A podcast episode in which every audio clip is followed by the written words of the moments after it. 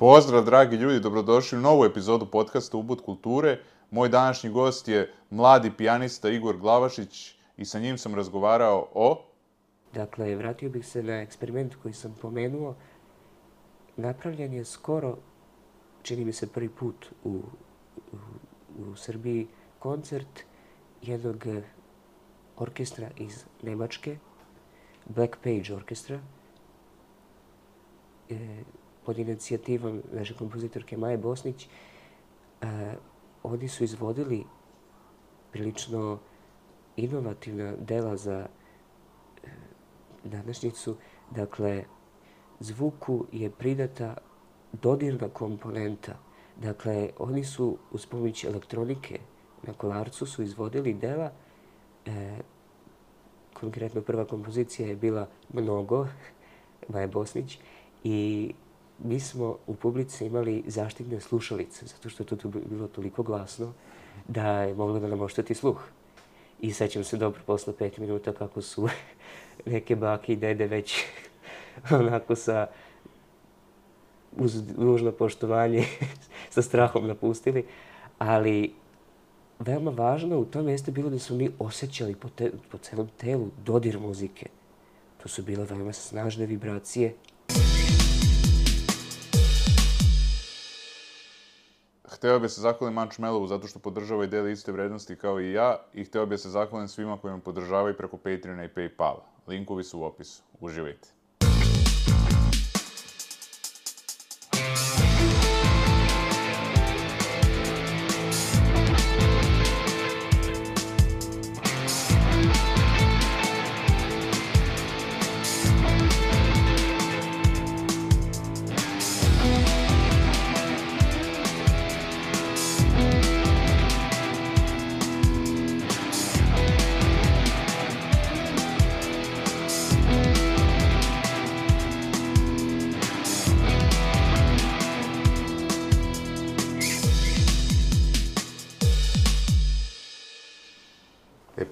Igore, dobrodošao, mnogo ti hvala što si došao.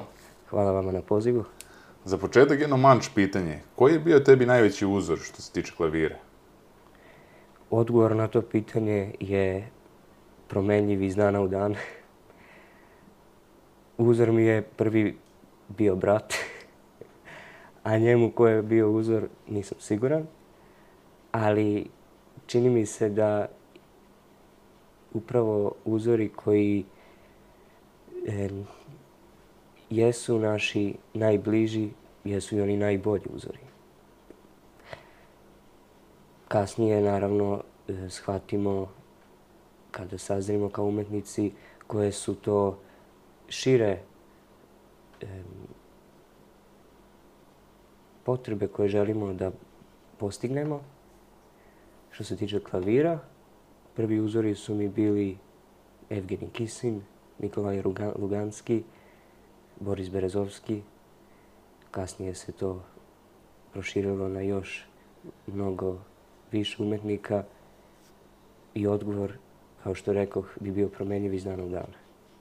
Ali evo to kad smo pričali na ovom događaju, mi smo se upoznali na događaju Stvaralačkog eha koji se organizuje svake srede, ovaj, gde razni umetnici raspravljaju o raznim temama ne moraju samo da budu nužno umetnici, tu se pojave i ljudi koji nisu iz sveta umetnosti, pa pričamo o tome. Pričali smo o najvećim genijima i ti si spominjao Beethovena. Šta je to kod njega bilo toliko genijalno?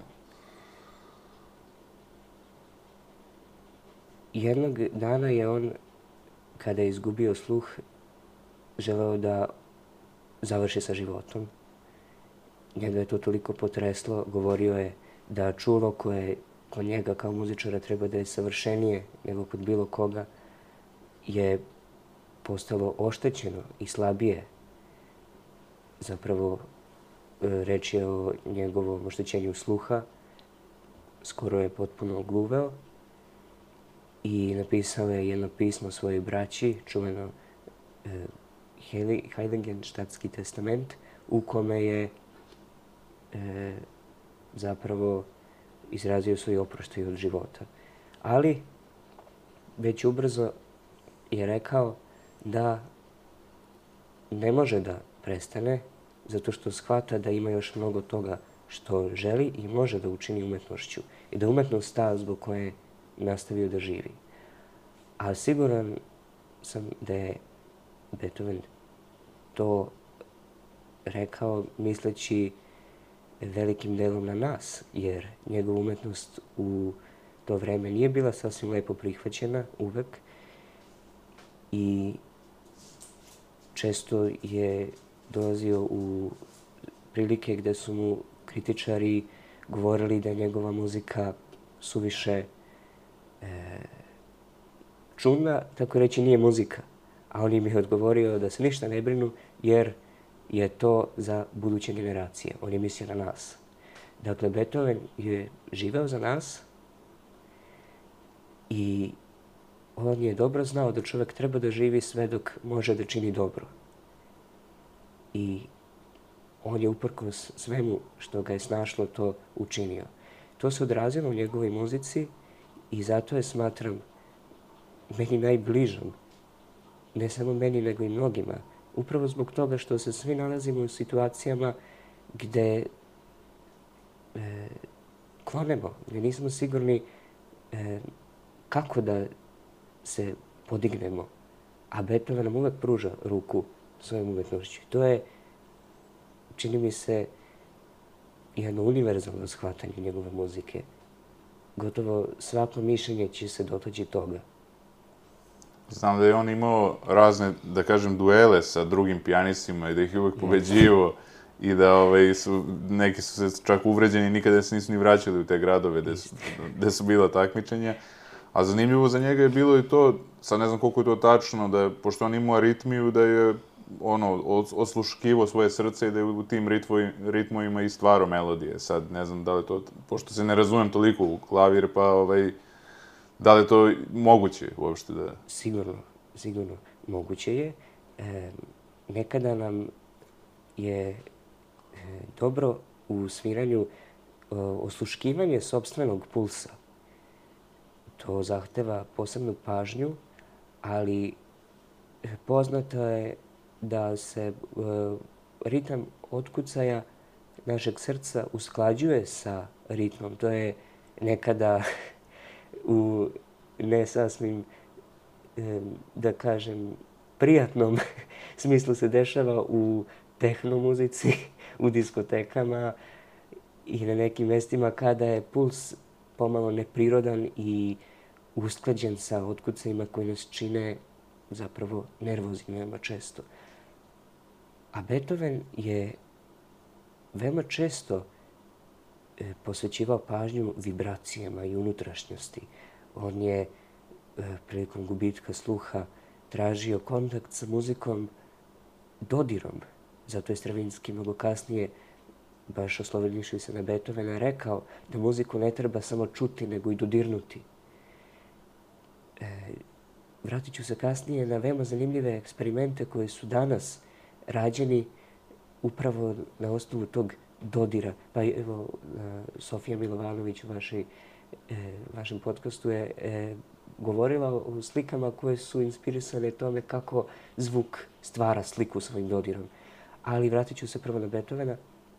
Dakle, on je između ostalog stavljao olovku u usta, približio se klaviru, dotakao i svirao da bi osetio vibracije i uneo ih u sebe. To se teško može zaista sračunati bilo kakvim fizičkim svojstvima, jer to je genije. On je umeo da prevaziđe svaku nauku sobstvenim, e, sobstvenom ljubavlju prema svima nama. E, dakle, vratio bih se na eksperiment koji sam pomenuo. Napravljen je skoro, čini mi se prvi put u, u, u Srbiji, koncert jednog orkestra iz Nemačke, Black Page orkestra, e, pod inicijativom naše kompozitorke Maje Bosnić. E, oni su izvodili prilično inovativna dela za današnjicu. Dakle, zvuku je pridata dodirna komponenta. Dakle, oni su uz pomoć elektronike na kolarcu su izvodili dela. E, konkretno prva kompozicija je bila Mnogo, Maja Bosnić, i mi smo u publici imali zaštitne slušalice, zato što je to bilo toliko glasno da je moglo da nam ošteti sluh. I sećam se dobro posle pet minuta kako su neke bake i dede već onako sa uz nužno poštovanje sa strahom napustili, ali veoma važno u tome jeste bilo da smo mi osjećali po, te, po celom telu dodir muzike. To su bile veoma snažne vibracije. Mi smo ih osjećali. Dakle, to je uvek bilo prisutno, ali u ovom slučaju bilo naglašeno. To uvek jeste prisutno. I čak se govori o razlici kristalizacije vode ili razvoja biljke kada je pod uticajem Beethovenove ili Mozartove muzike. Toga se dobro sećam kako nam je govorila nastavnica u osnovnoj školi. To mi je uvek ostalo blisko. Dakle, ako je takav osjećaj, ako je takav utisak ostavljen na biljke, na bilo šta, kakav je tek na čoveka, To sam ja vidio u dokumentarcu o vodi, onom ruskom, ne znam da si gledao taj dokumentarac, da dosta utiče i, mislim, ono, da voda ima emocije i onda da puštali su razne vrste muzike i pokazivali su kako izgleda ovaj, ta modifikacija. Ovaj, međutim, neki kao sumnjaju to, drugi su, mislim, skeptični su ljudi što se tiče toga, ali ja nekako verujem da ima to utice i tekako, tako da... A, teo sam te pitam, Da, eto, imali smo tu i neke kontraverzne ličnosti, ovaj, tipa kao što je bio Franz Liszt, koji je bio, da kažem, prava maltene rock zvezda u ono vreme, ovaj, u 19. veku. Žene su mu bacale Bruce Haltere, e, bile, e, tražili su mu obožavalici da im šalje dlake sa, mislim, od njegove kose, pa onda on uzeo od svog kera pa im je slao, ovaj, tako da, ovaj, i to se zvala neka listomanija. To je bio taj neki fenomen u to vreme i on je bio, da kažem, prva ta osoba slavna koja je bila toliko kao slavna da su ono ljudi je obožavali, mislim, da se jurili i moje fanove, mislim. E sad, ovaj, koje je tvoje mišljenje o njegovoj muzici? Ovaj, on je iz Mađarske kompozitor, tako da nije ni daleko odavde bio. Osim što je imao dugu kosu i bio prava rock zvezda, da. on je je uspeo da pronađe suštinu koju je objedinio sa svim tim. Dakle, on jeste jedan dobar period svog života, tako mladalački i, da kažem, pravio svakakve spektakle, pa njegove kompozicije ponekad i jesu e, još uvek pre zahtevne, zato što je on bio u, u stanju da na licu mesta promeni, da on improvizuje.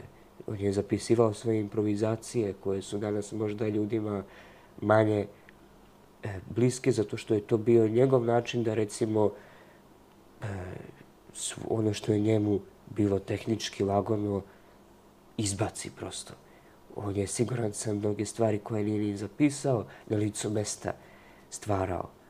Kažu da nije koristio notni zapis, nego da je svirao iz glave. Da, tako. Mislim, tako da je njegova muzika, nisam sa svakim delom oduševljen, moram reći, ali čini mi se da je on već u svojim kasnim delima, godine hodočašća, recimo, on je zaista pronašao suštinu neprolaznosti muzike. Dakle, on očigledno jeste uvek težio ka tome, zato što njegova dela jesu ostala i danas hitovi, iako se nečem na radiju, ali njegova muzika diše u iskrenošću, opet u ljubavi. Njegov cilj nije bio očigledno da bude zavodnik možda se malo koristio time do duše, ali... A to je možda došlo spontano, samo po sebi, se, zajedno sa... Da, jer on e, jeste bio oduševljen Beethovenom između ostalog. Ima divna priča koja govori o njihovom sastanku, odnosno Karl Černi koji je bio Beethovenov učenik i prijatelj, inače čuveni e, kompozitor klavirskih etida, odnosno vežbi za usavršavanje tehnike, je bio oduševljen mladim listom i postoji ta priča koja govori o susretu Lista i Beethovena, gde je List pošto poto želeo da se pozna sa velikim genijem, a Beethoven je bio protivnik čuda od dece. To treba da nam ostane svima, zato što Beethoven je sam bio forsiran da postane čudo od deteta. O, njegov otac je verovatno po uzoru na već tada trend, mogu reći, koji je dobio svoju, da kažem, e, rasprostranjenost Mozartovim uspehom, koji je kao pravo čudo od deteta osvojio Evropu. Dakle, svi su roditelji sanjali o tome da će njihovo dete postati takođe čudo, to se i danas dešava. Da. Veoma ne samo u oblasti muzike, nego i sporta. Jeste. I... Jeste, žele da su njihova deca čuda i da će tako forsiranjem dobiti... Greška je velika u tome što je Mozartu to prijelo. Njegov otac je to sa velikom ljubavlju radio, zato što je primetio da dobija odgovor u tome da Mozart pronalazi sabavu u tome. On je uživao, on je on je sam bio saglasan sa tim. A već kod Beethovena situacija nije bila sasvim takva, pa je on svestan toga pristupio svakom čudu od deteta, pa i listu sa izvešnom, izvesnom opreznošću, mogu reći i odbojnošću, ali shvativši da list ipak nije jedan od žrtava odgovorio mu je veoma srdačno i List je radio prerade mnogih Beethovenovih dela, recimo Simfonija za klavir. To su uzori o kojim smo govorili, koji mislim da su najtrajniji kada su proizlašli iz bliskosti. Ali ta bliskost ne mora biti ni e, ispaljena u, u kontaktu koji ćemo mi fizički sprovesti. Recimo, jedan od mojih uzora jeste Ljubica Marić, naša velika kompozitorka, čija mislim da će dela upravo ovih godina isplivati i da će se, nadam se, ako se dovoljno potvrdimo, po svetu njeno ime zaista pročuti kao veliko ime 20. veka, ne samo 20. veka, prevazila si granice vekova. Dakle, hoću da kažem da nekada osjećamo bliskost prema ljudima čije smo samo dela. Nekada i samo zapravo portret videli. Više puta mi se desilo da sam video portret i osetio veliku bliskost sa tom osobom. Veoma često.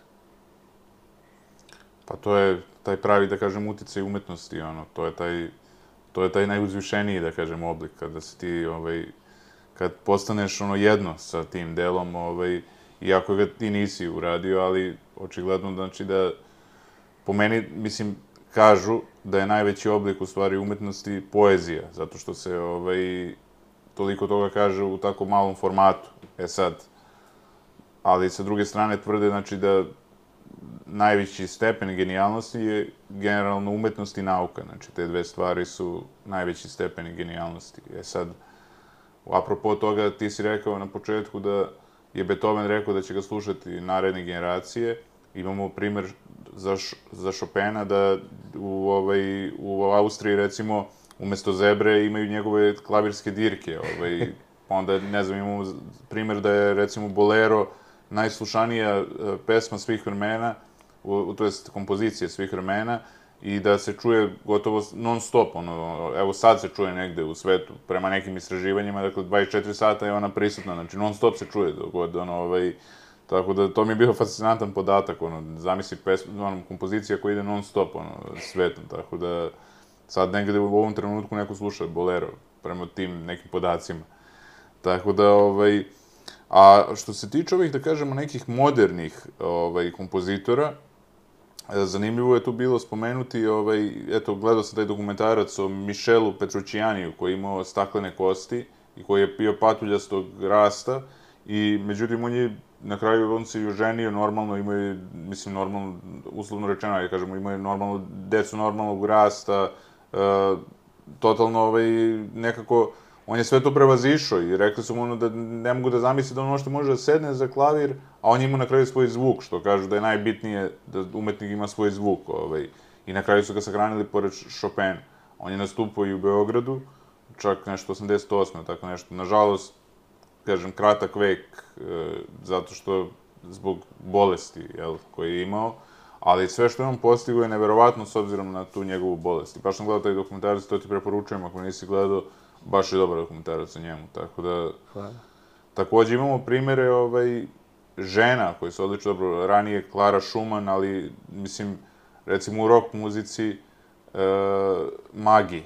E, tako da, ne znam, imaš ti neki primer koji bi ti naveo ovaj... Žena muzičara? Ne, ne žena muzičara, nego žene muzičari.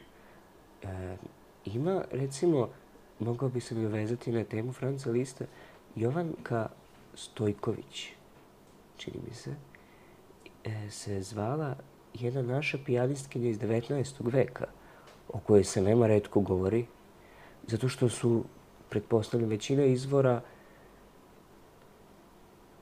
e, tanki. Tanki su izvori, ali imamo dobre podatke o njoj da ona bila učenica Franca Lista, rođena u Temišvaru.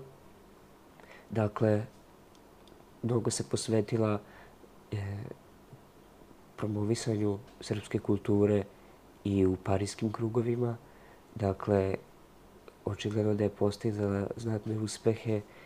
Nažalost, nijedna njena kompozicija kojima se govori nije sačuvana. Recimo, naš kompozitor Dejan Despić je napisao jednu kompoziciju Počasnica Jovan, Kis, Jovan Kistojković u kojoj je objedinio tako upravo taj salonski romantičarski, da kažem, stil sa već modernim jezikom. Da, e, morao sam je pomenuti zato što mislim da zaslužuje veliki pomen, a nažalost neke se, tako reći, sporedne vode zaboravljaju. Ali e, rekao bih da recimo u našoj muzici eto Ljubica Marić, Ludmila Frajt, Isidora Žebeljan i mnogi kompozitori. A je pokojna, tako skoro je nešto preminulo. Jeste. Nisam jedini koji misli da se u njihovim delima osjeća ipak nešto neopisivo. Nešto neopisivo.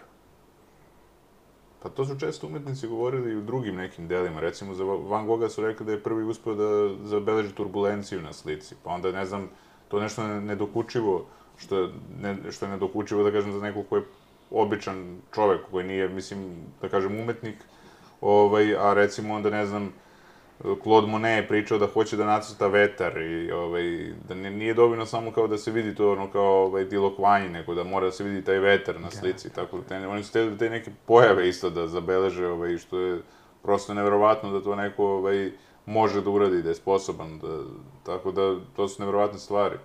Ali ovaj, mene zanima, eto konkretno kod tebe, ti, si, ti imaš svoje kompozicije i ti si već do sad nagrađivan već nekoliko puta i ovaj, takmičio si se na međunarodnim takmičenjima, bio si đa generacije, li tako? Jes. Te tako skromno kažeš, jesam. ovaj, I sad si na fakultetu, tako, imaš 18 yes. godina. Da. Pa recimo nešto malo više o svojoj karijeri, da kažem, pošto si tek na početku, ali već to, toliko toga si postigao. Ne bih rekao da mi je cilj metropola bio bih više obradovan kada bih otišao u malo mesto i čuo neku od svojih melodija.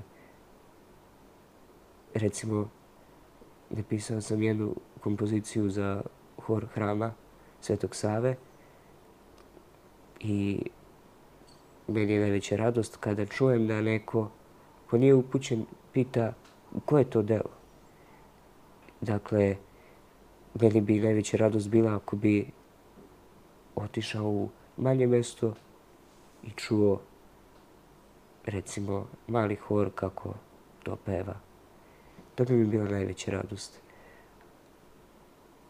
Dakle, jeste važno raditi i e, sanjati, kako bih objasnio, imati uvek maštu, a ta mašta mora uvek imati jasan cilj. Ako mi taj cilj dobro usadimo u sebe, sva naša dela će se usmeriti ka istom. Kad kažem dela, ne mislim na umetnička, mislim na bilo šta. Kao što je, evo, kada bih sad popio vodu, mogao bih se pitati dobro, zašto pijem vodu, pa zašto sam žedan, zašto sam žedan, traži mi organizam. Dakle, zašto traži pa da bi preživao, zašto da bi preživao, zašto da bismo živali. E tu onda sad opet se oslanja na Beethovena koji je rekao zašto je živao. On je to, osim u onom pismu, rekao svakom svom delu. Dakle, mislim da je važno e, ceo svoj život usmeriti ka jednom, ceo svoj život posvetiti. Dakle, Stravinski je govorio da ne sme da prođe ni jedan jedini dan da ne napiše makar jednu notu. To je misao koju mi je profesorka rekla na studijama da bi bilo dobro da sprovodim, ali nažalost potreban je trud i oko te jedne note. Samo malo truda. Ali priznajem da ga očigledno nisam, to malo nisam do sada sprovodio dovoljno, ali na tome, na tome se radi, treba se potruditi. Dakle, svakodnevno treba maštati, jer prisustvovao sam jednom predavanju španskog profesora koji nam je objašnjavao nama studentima Univerziteta umetnosti kako doći do ideje, kako doći od ideje do realizacije. Dakle, mnogo je ideja, malo je realizacija. Mi smo u tom trenutku stvarali ideje najčešće u grupama ili pod pritiskom, dakle za neko kratko vreme, ideje do kojih smo dolazili su prevazilazile svakidašnje. Mi smo mislili da je to nešto neviđeno. Kakve su nam sve ideje padale na pamet, ne bih se nikada usudio da pomislim da se to može desiti za tako kratko vreme. On mi je zatim objasnio da je zapravo mozak pod pritiskom produktivniji od stanja u kome smo opušteni sasvim Dakle, objasnili me da u tom maštanju mi možemo doći do sasvim sulutih, tako reći, apsolutnih ideja koje su neisprovodive. Ali ako mi ne uspemo da držimo balans između razuma i, da kažem, osjećanja, odnosno tog plutanja po svetu mašte, e, kao što ste ovaj, već smo govorili o tome da je nauka i umetnost, već smo ih pomenuli. Dakle, mislim da on, je, on nam je objasnio da ako mi pustimo mašti na volju, dođemo do nekih veoma fascinantnih, nadrealnih rešenja, mi ćemo iz toga makar izvući jedan kvalitet. Dakle, mislim da je mnogo važno, a to kad spominjemo karijeru, kad spominjemo karijeru, više se oslanjam na umetnički razvoj nego bilo kakvo formalističko i materijalno stanje, zvanje ili bilo šta, to naravno da postoji s razlogom da bismo mi imali sredstva da radimo sve ovo što želimo da uradimo. Ali pod umetničkom karijerom, uopšte tu reč smatram groznom, ali smatram više razvoj i e, rade na tome da širimo vidike.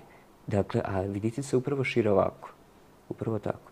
Dakle, mislim da pod karijerom možemo jedino napraviti paralelu sa e, moreplovačkom karijerom koja se svodi na istraživanje sveta i prevazilaženju raznih bura. Upravo to je, znači, naša karijera, a ne zvanje, imanje ili bilo što slično. A eto, meni je bilo zanimljivo na ovom događaju što, kojem smo zajedno prisustvovali, kada si ti pustio ovaj, stavove tvoje kompozicije, kako je ona devojka pogodila šta si ti mislio u pesmi. To je bilo fascinantno, ta konekcija, da je ona, znači, tu nema reči i ono, nisi ti, mislim, ništa, ovaj, ne može na prvu da se, ono, pogodi, ali eto, ne, sve što si ti mislio, ona je rekla, ovaj, to mi je bio fascinantan moment da neko je osetio to što si ti napisao, to, mislim, redko kada prisustvuješ takvom momentu da, ono, da se to desi, eto. Kapiram da i, da i tebi koji, eto, sviraš, da se redko dešava da ti, ono, neko kaže od reči do reči ono što si ti ovaj, napisao i što si mislio, onome što si mislio, tako da kažem. Da, da, ali to je velika radost za svakog umetnika. Ne. ne kažem da nije radost ako dobijemo potpuno drugačije tumačenje, ali svi se radujemo razumevanju onom kako smo mi zamisli, uvek se tako nadamo i u komunikaciji. I umetnost je vrsta komunikacije, dakle, nadamo se uvek da ono što želimo da kažemo neće doći do drugačijeg e, tumačenja, jer, eto, možemo reći pogrešnog tumačenja, ali umetnosti su stvari drugačije, zato što pogrešno tumačenje je možda i nepostojeće. Ne možemo reći da je neko tumačenje pogrešno. Se, skoro sam čitao e, pisma Milani e, Franca Kafke, I on kaže u jednom trenutku vezano za prevod, upravo se oslanja na to da on smatra da pogrešno tumačenje ne postoji. On daje tu neke primetbe vezane za prevod njegovog dela, ali kaže da misli da to opet veoma je zanimljiv njegov bio pristup kako je objasnio to i ne bih umeo da ga lepo citiram zato što je njegove reči bojim se da ne treba citirati bez papira pred sobom. A eto, nije bio zanimljivo što je izmislio onaj šlem za ovaj, radnike dok rade, ovaj, nose kao zaštitu ovaj, na glavi, ovaj, ja to nisam znao, za kafku, ali on je radio u osiguravajućem društvu, naš, i onda on je veći deo dana provodio radeći i onda posle uveč, ti kažeš, pod pritiskom je pisao no, ovaj, noću, tako da ovaj, čak i nije ni hteo da njegove dela budu ovaj, uopšte i predstavljena publici, to jest narodu, ovaj, ali njegov onaj drug Max Brod je ovaj, sačuvao dela, tako da, ovaj, a imali smo te već primere kroz istoriju, i Ernesto Sabato je spaljivo svoje dela, pa zato ima samo tri knjige, ono, koje su sva, sve tri, ajde da kažemo, remek delo, tako da, ovaj, neverovatne su to te stvari kada umetnik, ono, nekako, pa ne znam da li je nesvestan ili je skroman toliko da, ono, da, znaš, kao, nije mu važno, ajde, nema veze. Ovaj, a sa druge strane imamo primer Vangelisa, ovaj, baš sam slušao ovaj, njegov intervju sad pred kraj njegovog života, nažalost, napustio nas i on nedavno. Ovaj, meni je muzika iz Blade Runnera, taj film, ono, uzdigla do nekih visina koja, koja ovaj, bez muzike, mislim da ne bi bio toliko dobar film. Znači, mislim, super je film, naravno, ali sa muzikom je fascinantan. Ovaj, baš je rekao, kaže, pa da li je vama popularnost pomogla? On kaže, ne, ne, kaže, sad kad bi mogu da biram, kaže, izabro bi da ne budem uveliko slavan. I on je rekao, jer šta očekujete od Coca-Cola, da promeni ukus? Mislim, ne može da nešto što, na što su ljudi navikli, tako da i on sa svojom muzikom, ovaj, ljudi su već navikli na neku, tu neku njegovu, ovaj, taj neki njegov zvuk i onda kaže da, da bi izabrao da ne bude slavan, to je rekao, baš sam gledao u tom intervju, to je bilo zanimljivo, mislim. Veoma je česta pojava umetnosti da, recimo u, u filmovima je veoma prisutno to i poznato da ako imamo prvi, drugi deo, drugi će uvijek biti lošiji od prvog. Da. Zato što se, ili možda ne bi lošiji, ali manje prihvaćen. Da. Zato što se stvara prvo pritisak na stvaraoca, očekivanje od strane publike, dakle, publika odmah poredi sa nečim i to jeste... Jedino Kum 2 je, da kažemo, na isto nivou kao Kum 1, eto, to bi je rekao. Kum 3 je već daleko ispod na prva dva dela. Uvek, da. Ima primjera gde su e, prolazili umetnici kroz e, teške iskušenja, upravo iz tog razloga što, što su nailazili na takvu vrstu pristupa koji je pogrešan, moram reći. Ne možemo nikad reći da je nešto pogrešno, ali čini mi se da makar... Površno možda. Da, površno je to što poredimo zato što između ostalog, veoma često i sami umetnici tako pristupaju, vidim i po sebi. E, kada sam došao u drugu godinu studija, kažem profesorki, jao, kako ću sada, moram da budem bolji nego u prvoj. Onda mi je rekla, ne, ne možete uticati tek tako na to. Napredak će sam doći od sebe, a okolnosti koje nam pomažu ili odmažu da mi nešto uradimo, dakle, kad kažem pomažu ili odmažu, možemo reći da možda nam upravo e, loše okolnosti pomažu nekada da mi izrazimo nešto. Zašto? Zato što umetnost mora uvek da dođe iz potrebe da se nešto kaže. A to je najčešće prvi put u kome mi obično ispoljimo nešto sa tom pretpostavkom, eto, pa možda će se nekome svideti. Barem nekome da se svidi. A to je najvrednije. Ako mi kažemo barem nekome, barem jedna osoba da postoji koja će reći da je, posle ću se navezati opet na ovo, ali odmah, recimo, u drugom delu mi očekujemo da će biti isti taj broj ljudi, ali možda i veći. Što se onda ne desi često, zato što i taj broj ljudi očekuje od nas nešto. I, e, dakle, mislim da je e, to površno zato što umetnost ne treba da se toliko, odnosno nema potrebe, mislim da je besmisleno e, toliko je e, dovoditi u neku šablonsku pojavu. A na tome se radi danas. Sad se nadovezujem na ono što čega sam krenuo. Dakle, radi se o temi koja je neizbežna u svakom razgovoru umetnosti, a to je veštačka inteligencija koja mnoge umetnike uznemirava, ali sam skoro razgovarao sa jednim mojim drugom i shvatili smo da je ono čime se veštačka inteligencija bavi zapravo igra konteksta koji smo mi dali nečemu. Dakle, recimo u muzici najprostiji, moram reći, najpovršniji kontekst da je durska muzika vesela, molska, tužna.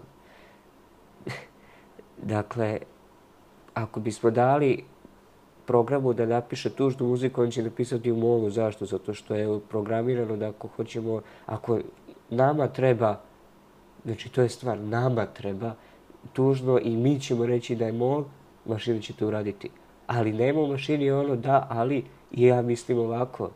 Znači to je, moram reći, iz nekog drugog sveta. Nije to e, ljudski svet koji će, koji dakle, pojedinac saosećajući sa svima može da izgovori, nego je to e, program koji e, uzima ono što je rečeno, dakle nikad ne, ne može nastati nova reč u, u e, algoritmu ako joj niko ne prida značenje pritom. Dakle, kontekst je ono što se pojavilo već početkom 20. veka. Kontekst umetnosti koji je bio toliko avangardan i e,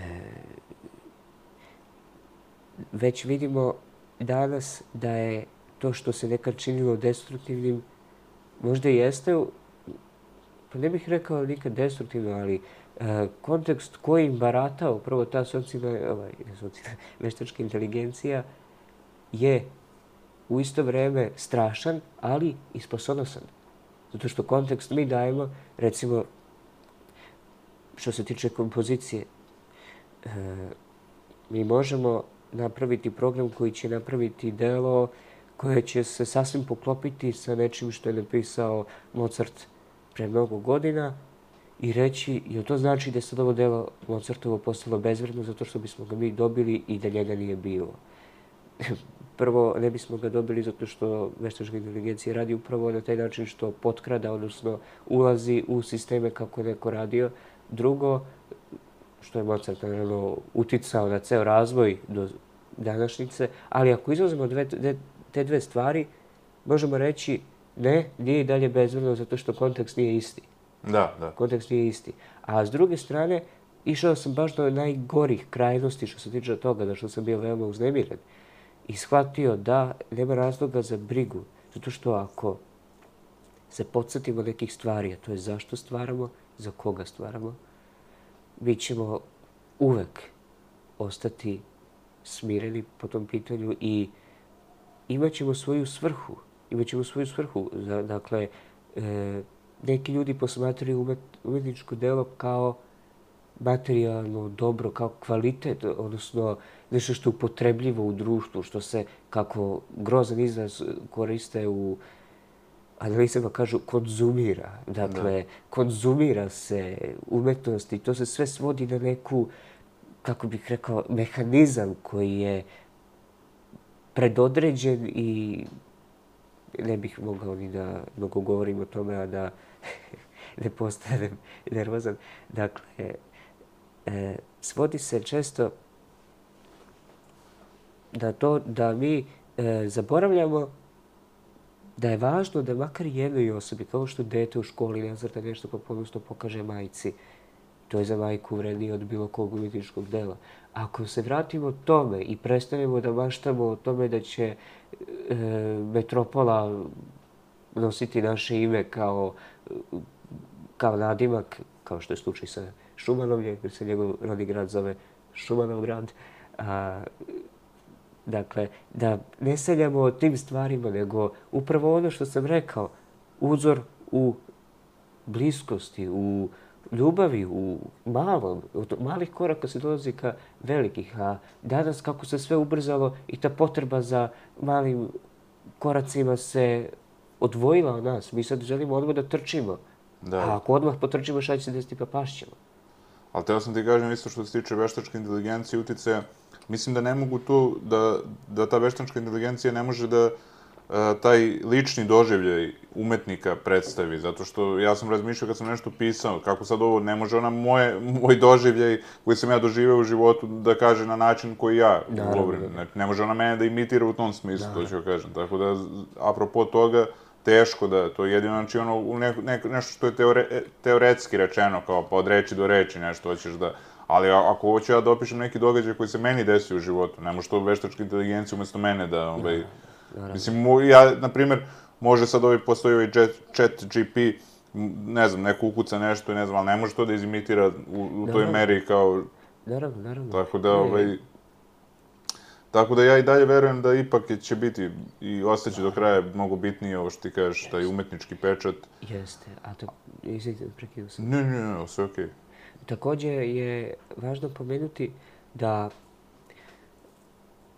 to što imamo prilike da se koristimo Google-om, prevodiocem, bilo čime, ne znači uvek da je dobro. Skoro sam bio u jednom manjem gradu, vidjeli smo drvo koje nismo znali kako se zove. Dva čoveka, starija, su sedela ispod Mi smo ih pitali, izvinite, znate li koje je ovo drvo? Oni su nam rekli, mi smo se zahvalili, a oni su na to nama dodali, ne, hvala vama što ste nam pružili priliku da učinimo nešto dobro danas. Mm -hmm.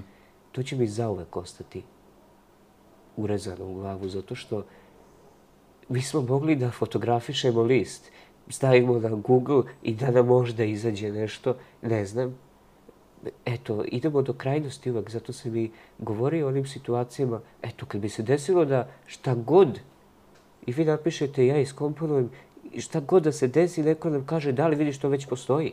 To već postoji, moglo smo samo da nađemo tu i prikažemo. Ali, zapravo sve već postoji. Mozart je rekao, sve već komponovano, samo treba da se zapiše to se može povezati sa onim starim razmišljanjem kako je ovaj svet zapravo nesavršeni odraz nečega što već abstraktno postoji. Sve, da, zapravo sve kombinacije i nota i slova i svega već postoji, ali kontekst koji mi njima dajemo je ono što ne postoji još. Da, da. Dakle, eto, ti ljudi su mnogo rekli, mnogo su rekli.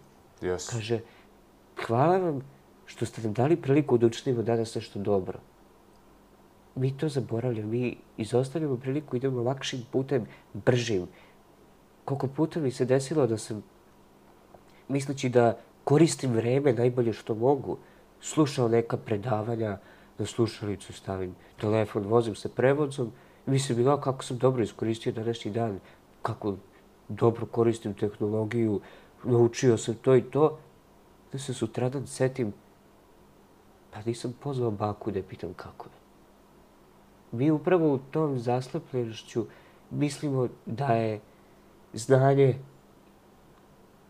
koje ne znamo da koristimo samo, samo sebi svrha. Dakle, sad se odvajamo od onog renesansnog pristupa, vraćamo se možda onom, kako bih rekao, nije to ni pravi antički pristup kada su znanje iz radoznalosti ljudi, prosto su želi da saznaju, kad su to toliko saznali, to je prosto prirodno, kad su toliko saznali, onda su želi to da primene. A sad opet došli smo do novih načina saznanja i opet pokušavamo što više da saznamo zašto, pa verovatno zato što je u celom društvu prisutan veliki egoizam, odnosno potreba da se predstavimo moćnima, kaže, znanje je moć. Pa kao, sad ćemo mi što više znamo da budemo nešto moćnije. To je onda već problem što se i u umetnosti odražava, da tehnika veoma često e, potiskuje prirodnost. E, dakle, zaboravljamo da pojednostavljujemo stvari, upravo time dolazi do stresa, između ostalog. A u umetnosti se sada dešava to da mi pokušavamo da sve ne domestimo, da argumentujemo zašto je nešto dobro, zašto nije. Bio sam skoro na jednom master klasu u Nemačkoj i oni su pod snažnim uticajem Bečke pijanističke škole, a kod nas je više prisutan e, ruski način sviranja.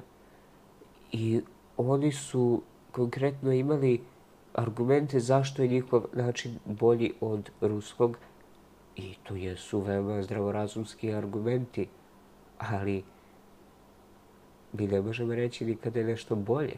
Možemo reći da je istorijski pravilnije. I oni na taj način veoma često dođu do toga da izračunaju šta je ono što, što će biti dobro. Šta je ono što, što će uticati na publiku na neki određen način. Moram reći to da sam prisustovao prizoru da je jedan već pijanista koji je završio master studije, došao je na dodatno osavršavanje, e, pred svoj nastup uzeo izvođenje, izvođenje profesora na čijem je usavršavanju bio, te kompozicije koje će izvesti i pokušao da se podsjeti na taj način onoga što treba da uradi što me još više zbudilo, profesor je bio veoma zadovoljan time što on to uradio.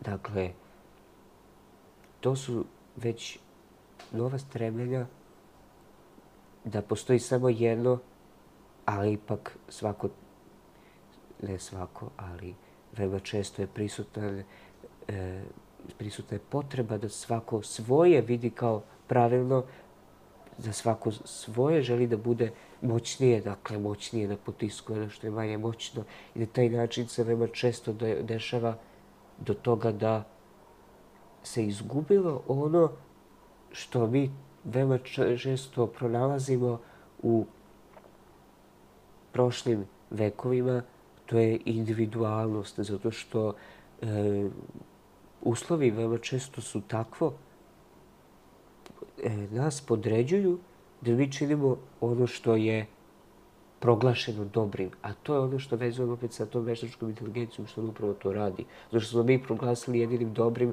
ona će da učini. A to je danas postalo zanimljivo. Dakle, nespremnost na novo, to znači manjak hrabrosti. Manjak hrabrosti, manjak slobode, o kojoj se toliko govori, koliko, toliko da ljudi traže slobodu onome što ih upravo odvraća od slobode. A teo sam isto da je pitam ono što je meni isto zanimljivo, e, ta saradnja recimo kad je, ne znam, kompozicija primenjena za neku seriju ili film, pa sad eto imamo primer koji meni je to najsavršeniji, ovaj, Angelo Bandalamenti, koji je komponovao za Twin Peaks seriju i ima baš zanimljiv klip, poslao sam ti, ovaj, gde mu kaže David Lynch, kao ja bih volao, sad tu ima neka devojka, pa šuma, pa kao, i onda on stvara. Onda mi je kaže, i on kaže, onda mi je on rekao, postoji neka devojka šuma i ja sam ovako, onda mi je rekao, ako možeš samo sporije, i mnogo interesantno bilo kako je to ta isto saradnja njihova, dakle on, ok, jeste on njemu ovaj, odredio kako će ta kompozicija da bude, ali na njemu je bilo da to on iznese na najbolji mogući način i Twin Peaks je po toj, da kažem, po tom intro, ono, uvodu, E, najbolje, ja mislim da je to najbolji uvod ikada u neku seriju. I, ovaj, ok, ovo je bila tema uh, ove glavne, ovaj, Laure Palmer, ali takođe ovaj, ima i odličnu kompoziciju koja prati celu seriju, znači pojavljuje se bukvalno na svakih 5-10 minuta i uopšte nije dosadi nikome, ono, zato što je takva kompozicija tako blaga, nežna, da ovaj, prije. Tako da, šta misliš o tojim saradnjama, to kad je nešto primenjeno za nešto, Da li, da li bi to tebi leglo kad bi ti neko rekao kao ajde napravimo za neku seriju film pa sad ti on objašnjava šta je pa ti kao znači nije, nije samo tvoja ideja nego još nečija da i tako da kažem ovaj pa šta misliš o tome ovaj Mislim da je moje najuspelije delo za sada upravo nastalo tako. Aha. Tako što sam dobio tekst, dobio smernice kako bi to uz e, tumačenje teksta, e, moglo da izgleda, pa na kraju se ispostavilo da je taj zajednički rad bio dragocen. I mislim da se upravo tim spajanjem energija taj put ka cilju naravno sprovodi mnogo lakše, što se ne pokazuje uvek u praksi zato što nisu sve energije jedna za drugu. Pa nisu, nisu. nisu. Ovde se baš poklopilo i to. Jeste. I mislim, dobro, David Lynch je ekscentričan umetnik koji stvarno, ono, ovaj, daje dosta, da kažem, izlači najbolje iz umetnika, i tako da kažem, tako da... Da, da. Dakle, zaista mislim da je, recimo, u kamernoj muzici, gde imamo više izvođača, neophodno da se energije slože, da se stvori porodica, tako reći, i da se u tome zajedno korača do onoga što će na kraju biti krajnji cilj, jer opet moram ovo pomenuti, umetnost nije samo rezultat, odnosno umetničko delo kako se fabrički gleda. Tu su stvaralac, delo i publika. A ono što je divno u muzici, što imamo dvostruku interpretaciju. Dakle, imamo interpretaciju izvođača, recimo, ako može, imati, može biti i višestruka interpretacija nečega, jer e, kompozitor može da interpretira nešto, recimo tekst. Pa on to napiše, pa onda sad imamo izvođača koji će to sad neko ko peva, može imati svoj neko ko svira, još svoju ili to svoj i još dodatno publika. To je on umetnost, to je umetnost, a ne samo delo samo po sebi, no nije ništa u stvari. Jer, znači, imamo taj ceo put i upravo se na taj način unošenjem energija veoma često će izvođači reći, pogotovo muzički, evo, oni će reći da je bila dobra energija na koncertu, da je publika, to je ono što je veoma važno kad mi pogledamo publiku, ne, ne moramo ni da vidimo, mi ćemo to osetiti, mi ćemo to doživeti. Dakle, to se veoma dobro ispoljava u svakoj umetnosti. Imamo i čuveni primer slikarskih radionica gde je bilo da su određeni e, određene slike nastale tako što je svako uradio neki fragment, pa je neko specializovan za životinje, biljke, ljude, i spajanjem, to ne može nastati tek tako, jer ima veoma neuspelih pokušaja toga. Bilo je pokušaja da se napravi uh, više stavačna kompozicija u kojoj su svakom uh, kompozitoru dali da piše po jedan stav. Ispostavilo se da se njihovi stilovi energije malo nisu poklopile i da to uopšte nije izgledalo kao objedinjeno delo, nego prosto, eto, niz numera koje nisu imale nešto mnogo zajedničko. Dakle, neke stvari su neophodne da se ne matematički dese. Dakle, mi ne možemo staviti na papir šta će to biti, ne možemo raditi test ličnosti pa spojiti tačke šta ko će s kim. To su grozne nebuloze, moram ih tako nazvati, koje su danas postale mnogo popularne. A eto imamo primere i u istoriji nauke i umetnosti gde su parovi bračni, recimo, zajedno pravili ono, neverovatne stvari, ovaj, dobro, pritom se naravno nekome više pridaje kao naznačuje da je to uradio više nego taj drugi, ali nema veze, mislim, bitno je to delo, to što postoji i što je ovaj, su ljudi imali priliku eto i da čuju, da vide, tako da imamo mnogo primjera gde su umetnici skromni. Ja sam recimo gledao taj dokumentarac Erika Kleptona, gde je čovek rekao, kaže, pa pravo da vam kaže, meni je mnogo bitnije što sam napravio centar za rehabilitaciju, pošto on bio alkoholičar, i ovaj, što, sam mnogo ljudi, što se mnogo ljudi tu izlečilo, nego moja muzika, kaže, jer za 50 godina koga će biti briga za moj Meni je to bilo fascinantno da on kaže, Eric Clapton koji ono, će biti klasika kao Mozart ili Beethoven, znači on je toliko skroman da ide do tih detalja da kaže ono kao, ma, koga će briga biti za...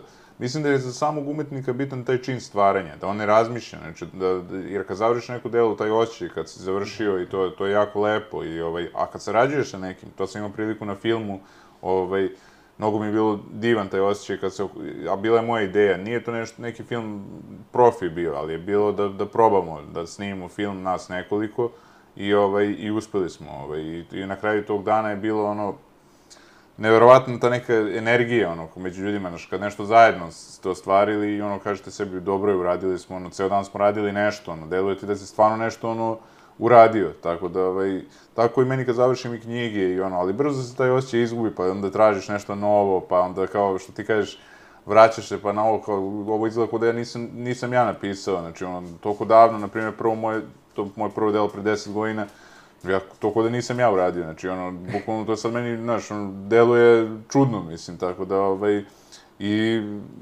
mislim da ljudi, i onda ti gledaš svakim drugim delom da nadmašiš kao ovaj, to što ti kažeš prethodno, a nije u tome poenta. Poenta je da se fokusiraš na temu, da, da izraziš svoje osjećanja, jer ja mislim da je dosta bitno kod umetnosti to razumevanje, da ljudi dok čitaju, jer ti kad čitaš neku staru knjigu imaš priliku da razgovaraš možda sa najvećim umom koji je postoji ili kad slušaš neku kompoziciju, upravo to, ono, mislim. Tako da, to razumevanje umetnosti je jako bitno, ovaj, i pričali smo na onom događaju, da li je umetnost ideal ili da li je to možda potraga za idealom nekim, koji u stvarnosti svesni smo da nema te apsolutne slobode, ja dok pišem nekada mož, mogu i da doživim tu apsolutnu slobodu, ne nekada, nego vrlo često, jer mogu da izrazim ono što želim, znači nikome ne koči, nikome ne govori ne, nemoj to, ne, naš, nego i vođen svojom intuicijom, ja idem kroz to delo i nikad ne znam gde će me to odvesti. Znam ja kako će, pošto ja tako stvaram, ja već u glavi imam kako će biti kraj knjige, ali umeđu vremenu ovaj međuprostor, nikad se ne znam gde može da me odvede, na koji način, to sve idem prema intuiciji i ono, zavisi od inspiracije, ono. ali opet i ta inspiracija, to treba ljudi da znaju, ne dolazi samo od sebe, nekada moraju neki umetnici, ne neki, nego većina umetnika sedi po 8 sati kao ljudi u, na poslu ovaj, i čekaju, ako ništa jedna rečenica danas, sutra ceo tekst, mislim, hoću da kažem, ne možeš ti da čekaš inspiraciju, nego jednostavno, ovaj, odnosno, obrnuto, ne možeš ti da, ovaj, pa da, ne možeš, da, sad, sad, ću, sad sam inspirisan, sad ću da sednem, ne, nego sedneš pa će doći inspiracija, tako da, tako da ne znam da li se ti slažeš to za inspiraciju, a i da. svašta u životu može da nam bude inspiracija, Jeste. to je isto zanimljivo. Jeste, e, moram se usvrnuti na Johana Sebastijana Baha, ne bih mogao da oprostim sebi da ga ne pomenem u ovom razgovoru. Da. dakle... Stvarno je bilo pogrešno, nismo njega spomenuli. Oprostit će nam. dakle, mnogi, moram reći tako, ali nedovoljno nedovoljno ni upućeni ili posvećeni ljudi će reći za njegovu muziku da je bezosećena, da je Hladna. Da je hladna, da je tako neintuitivna, da je previše proračunata. Ona jeste proračunata, zašto? Zato što je Bach dobro umeo da vlada i razumom i osjećanjima. On je umeo da vlada jednim i drugim. I to jeste veliko umeće. On je posvetio muzici mnogi god, znači ceo svoj život je. On je govorio da je muzika bogosluženje. To se čuo njegove muzici, dakle to je ono što sam pominjao kao cilj. Šta je cilj svega što radimo? Mora da bude nešto. Dakle, Bach je rekao da je muzika bogosluženje, da treba da svojom muzikom upućuje na ono što je zaista vredno. I to se u njegovoj muzici može osetiti za početak. Samo osetiti. A ljudi nisu skloni, odnosno nisu, ne žele, nemaju potrebu da osete nešto što će ih zaista voditi ka nečemu što nije prizemno, što nije tako e, površno ili slatko, kao što i u hrani slučaj. Dakle, mi ćemo svi radije jesti nešto što je brza hrana, upravo to brzo, a kad je nešto zaista što će nam biti na korist, pa to zahteva vreme, to zahteva i nekad i pripremu u samom jelu, to nam je već naporno, nismo svesni da će nas to dovesti do dugovečnosti, da ćemo prosto. E, Bach je uspeo da svoju intuiciju vaspita tako da je ona oslobođena razuma bila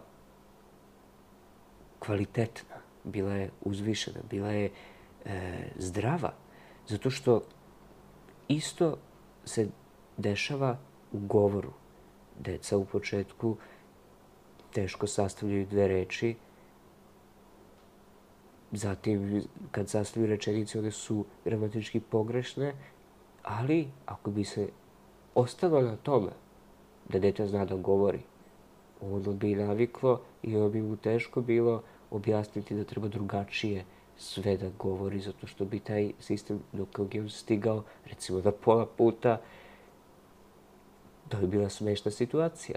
A zapravo, koliko god zvuči smešno, svi mi imamo nešto što e, će nam ostati od tih reči, nekad izmišljenih iz tog uzrasta koje smo mi koristili i prisvojili kao e, pravilne, zato što ne jesu pravilne u tom kontekstu, e, mi ćemo ih koristiti uvek, ali Bach je recimo uspeo to da učini na taj način što je svoju intuiciju usmerio da ona tako oslobođena bude ono što bi neko morao uz veliko promišljanje. Ono uz to veliko promišljanje se desi ono što ljudi često ne uoče u Bachovoj muzici, a to je veliko osjećanje i e, daleko, daleko e, veći spektar od onoga što je matematički, da kažem, proračunata muzika. I sad baš govorim o toj intuiciji zato što je e, ona kroz celu istoriju umetnosti čini mi se e, bila važna jer neki umetnici, recimo, teško je raspravljati o nečijem talentu, ali da li je Mozart bio više talentovan ili više obrazovan? Mnogi kažu, iako je on zaista, zaista e, celo svoje detinstvo i celo svoj život posvetio u neprestanom učenju, ipak koliko god da je truda uložio, on je bio još više talentovan. I to se tako desilo. On je rekao, ja da ne obaziram se šta mi kažu, samo sledim svoj osjećaj. A zato što je njegov osjećaj bio takav da je bio isklesan i e, tako prefiljen da je on mogao da primeti ono što će zaista biti na kraju e, najfinije. A, e, ono što vidim opet kao veličinu i Bahovu, ali to sam pomenuo Beethovena, zato ga neprestano pominjem kao svog najbližeg.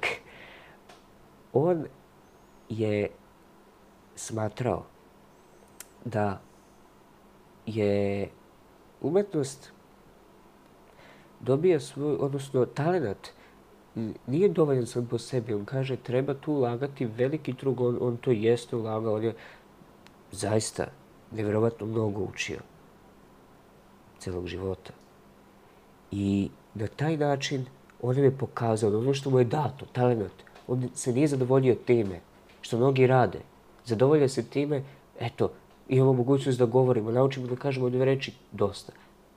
Onda iskoristimo ono što možemo time. Beethoven je zaista iskoristio sve, čini mi se, što je mogao. Isto učinio i Bach, isto učinio Mozart, isto učinio i Liszt, koji je imao, koga smo pomenuli, koji je imao svu tu virtuoznost i na kraju to iskoristio dobro jeste malo i na onaj neki da. mangupski način, ali vremenom je iskoristio zarad drugih ciljeva. Pa mislim da, naš, ovaj, ljudi prepoznaju kad je nešto iskreno i da je to bitno u umetnosti jako, da budeš iskren, inače neće to ljudi, mislim, mene zbunjuje današnje vreme, zato što kod, daj da kažem, nekih, da kažem, mlađih generacija, ti neki programi prolaze, ovaj, ali to nije nekako, opet, nije, nije mi to to, znači, ono, okej, okay, ja ne kažem, ti programi se koriste u raznim vrstama muzike, nije samo u ovom, ovoj najgoroj, nego i u drugim vrstama muzike, ali prosto ta, i kad si ti na nekom koncertu, ti kad vidiš tu konekciju, ono, uživo, ovaj, to je isto drugi doživljaj nego kad si u kući i slušaš, mislim, ono, tako da, to, totalno dve različite stvari. Mada, naravno, lepo je slušati muziku i ovako, što imamo tu mogućnost, da kažem, da slušamo sve te kompozicije, pa i te stare, ono, 300-400 godina, mislim, stvarno nevjerovatno da, da smo u mogućnosti da to, ovaj, možemo da slušamo. I eto, evo, u tom kontekstu ja mislim da stvarno klasika neće nikada izumreti i da, evo, imali smo i primer da je Mozartov CD bio najprodavaniji pre 4-5 godina, da, ovaj, od svih, ono, dakle, preteko je neke, ono, moderne muzičare i... Nisam teo namerno s tom da pričam o temi uh, klavijaturista u rock and roll, rock and rollu i uopšte, ovaj, da kažem, modernim muzikama, da sam to pričao sa Sašom Loknerom i onda smo obradili tu temu. Taman mi je ovo super došlo da pričamo mm -hmm. o, klasici, ovaj, tako da eto, drago mi je da smo se na to, o, ostali na toj temi i lepo smo se ispričali. I ako imaš još nekoga da pomeneš, vidim tu i Schubert, gledam sad na ovom CD-u što je, mm. koji imaš, Schubert, Čajkovski, dosta tu zaista je bilo ovaj, umetnika i Da li su oni svi i vukli jedni druge ovaj, da ovaj, budu bolji, ono, kako je dolazilo vreme, mislim, nisu svi bili iz istog veka, znači, ono, da. ali kako je to krenulo, pa šta ti misliš, da li su oni Jesu. vukli iz... Jesu. Ima veoma poz, poznat primer Brahmsa i Beethovena. Mm -hmm. Dakle, stvorio se čitav kult u Nemačkoj Beethovenovih sledbenika i obožavaca, među kojima je bio Robert Schumann. I on je, e, upoznavši Brahmsa, u svom jednom časopisu muzičkom napisao da je došao novi mesija umetnosti koji će da spasi nemačku kulturu i da je opet uzdigne da će doći novi Beethoven, drugim rečima. Brahmsu je bilo strašno. On je, kao i svako imalo normalan, mogao da, nije mogao da e, prihvati da je neko njega tako nazvao i nije se usudio da piše simfonije, zato što je, kako sam rekao, iza njega koračao džin. To je Beethoven.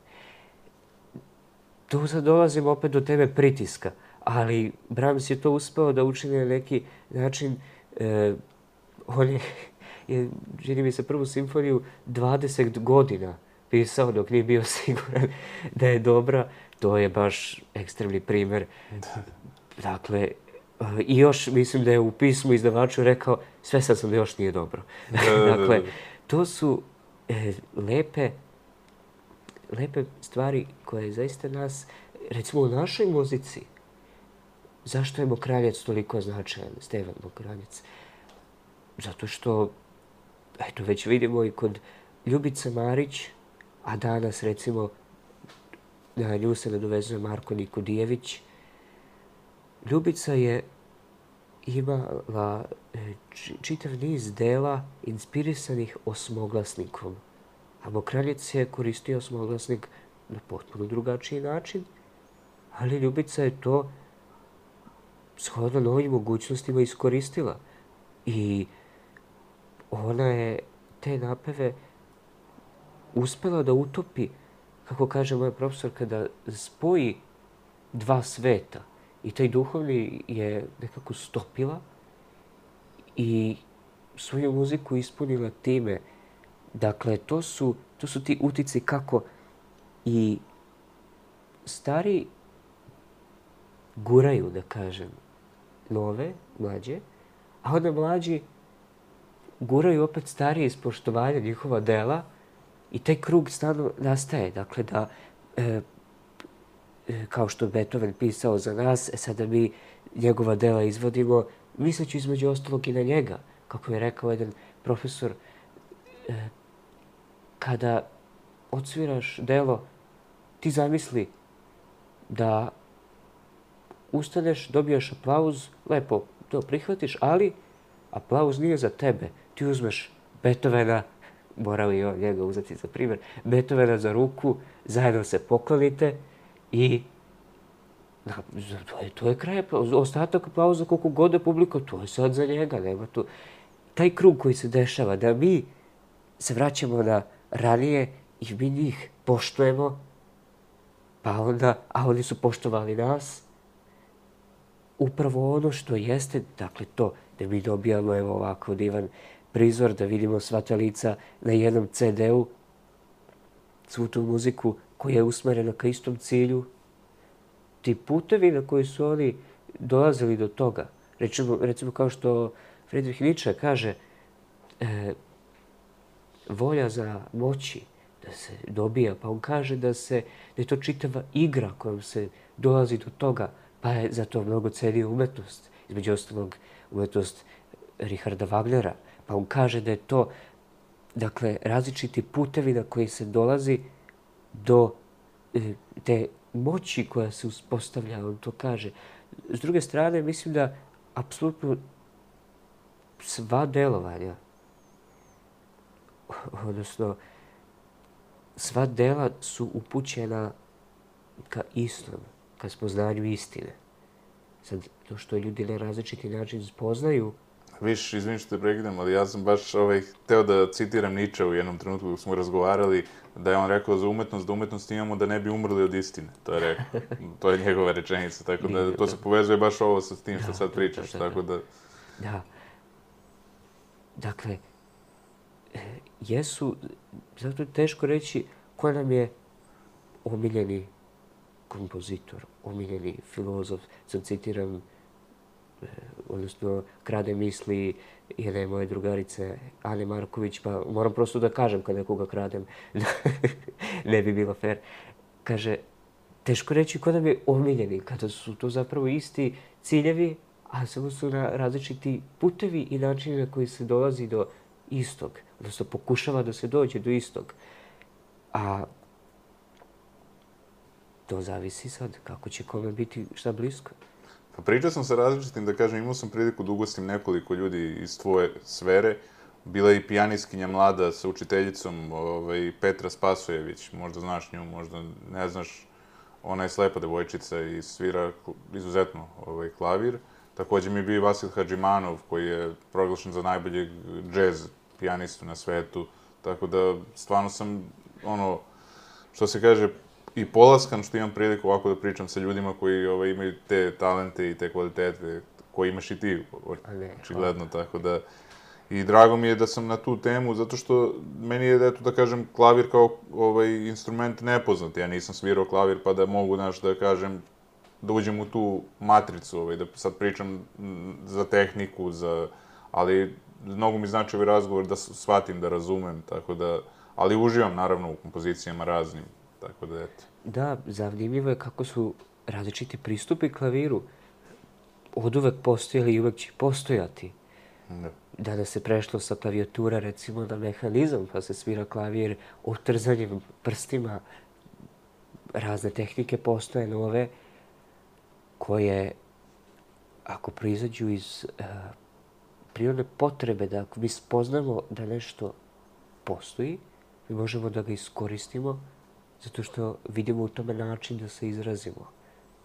E, meni su rekli da se u toj muzici klavirskoj koju sam pisao čuje čembalo, zato što sam ga svirao i mnogo volim čembalo. Bila je jedna devojka gošća koja svira čembalo isto ovde u podcastu. Ja, divno, divno, divno. ovaj, drago mi je da, se, da ste pronašli tako da, pošto je zaista divno kako nas podržavate i Čembalo zaista zaslužuje da prodiše, ali redko dobija na odgovoru, bar zato što Čembalo je instrument koji ne ume da viče. A vikanje je danas popularno. Vikanje je najlakši način da se... Nije najlakši, to je najbrži način, zapravo najteži, da se dođe do bilo čega. A Lako je napraviti buku, ali napraviti tišinu. Da, jeste, jeste. Dakle, kako su različiti kompozitori pristupali klaviru, to je mnogo e, dragoceno. To je mnogo dragoceno. Pa kako, recimo, ima simpatično veoma za Beethovena priča da je on tražio više od tadašnjih klavira i oštetio je mehanizam više puta zato što je prosto želeo i to bio potpuno u pravu. Je bio u pravu. On je govorio da ta muzika koju piše, čak i čini mi se negde e, pisao za registar koji nije bio, nisam siguran za ovo, ali mislim da je pisao i za mnogo visoke tonove koji nisu bili odsvirljivi na tadašnjem klavijaturu, zašto klavijatura prosto nije išla dalje od toga. I on je ovaj, znao da će se to proširiti. To je e, odlika genija, da imaju veru, da će biti zaista, da imaju e, dobru veru u napredak za ono što je dobro. On je video u tome da on proširi taj registar, on je u tome video način da on iskaže zaista ono što želi. I e, znajući da će i ostatak čovečanstva imati tu potrebu, on je znao da će doći do toga, da će se i klavir učvrstiti kao što se desilo. I zaista mislim da ta vera u e, istinu, u, u, znači, dakle, put do istine koji jeste, on tako i podržan svime time razvojem, nažalost, nije uvek razvoj tehnologije i svega e, sproveden tom mišlju, kao što i prvi instrumenti muzički, možemo reći, prvi trzalački instrument od luka i strele nastao. Luka i strela prvobitno jesu bili za lov, a neko se setio pa je usmerio čoveka. Tako i muzički instrument usmeren na čoveka. Dakle, bojim se da nije uvek napredak zaista takav, ali ako mi sa tom nadom i verom posmatramo stvari, mislim da ćemo ih uspeti preobraziti u put ka istini. Baš si to lepo rekao i zahvalio bi ti se mnogo na ovom gostovanju i želim ti da nađeš taj svoj put koji već ideš pravim putem, ali eto, da slediš taj svoj put, jer mislim da si jako kvalitetan, ono što sam čuo, stvarno je izvanredno i zbog toga sam te i pozvao u podcast. Tako da mnogo ti hvala na ovom gostovanju. Hvala najlepše. Pročitat ću vaše knjige sa velikim zadovoljstvom. Ne moraš na vi, možeš ti slobodno, nisi toko mater. Takođe. da, e, pročitat ću knjige sa velikim zadovoljstvom i zahvalio se zaista za ovo divno druženje. Podrška je neizmerno značajna za svakog umetnika. Hvala ti. Gledamo se nadalje.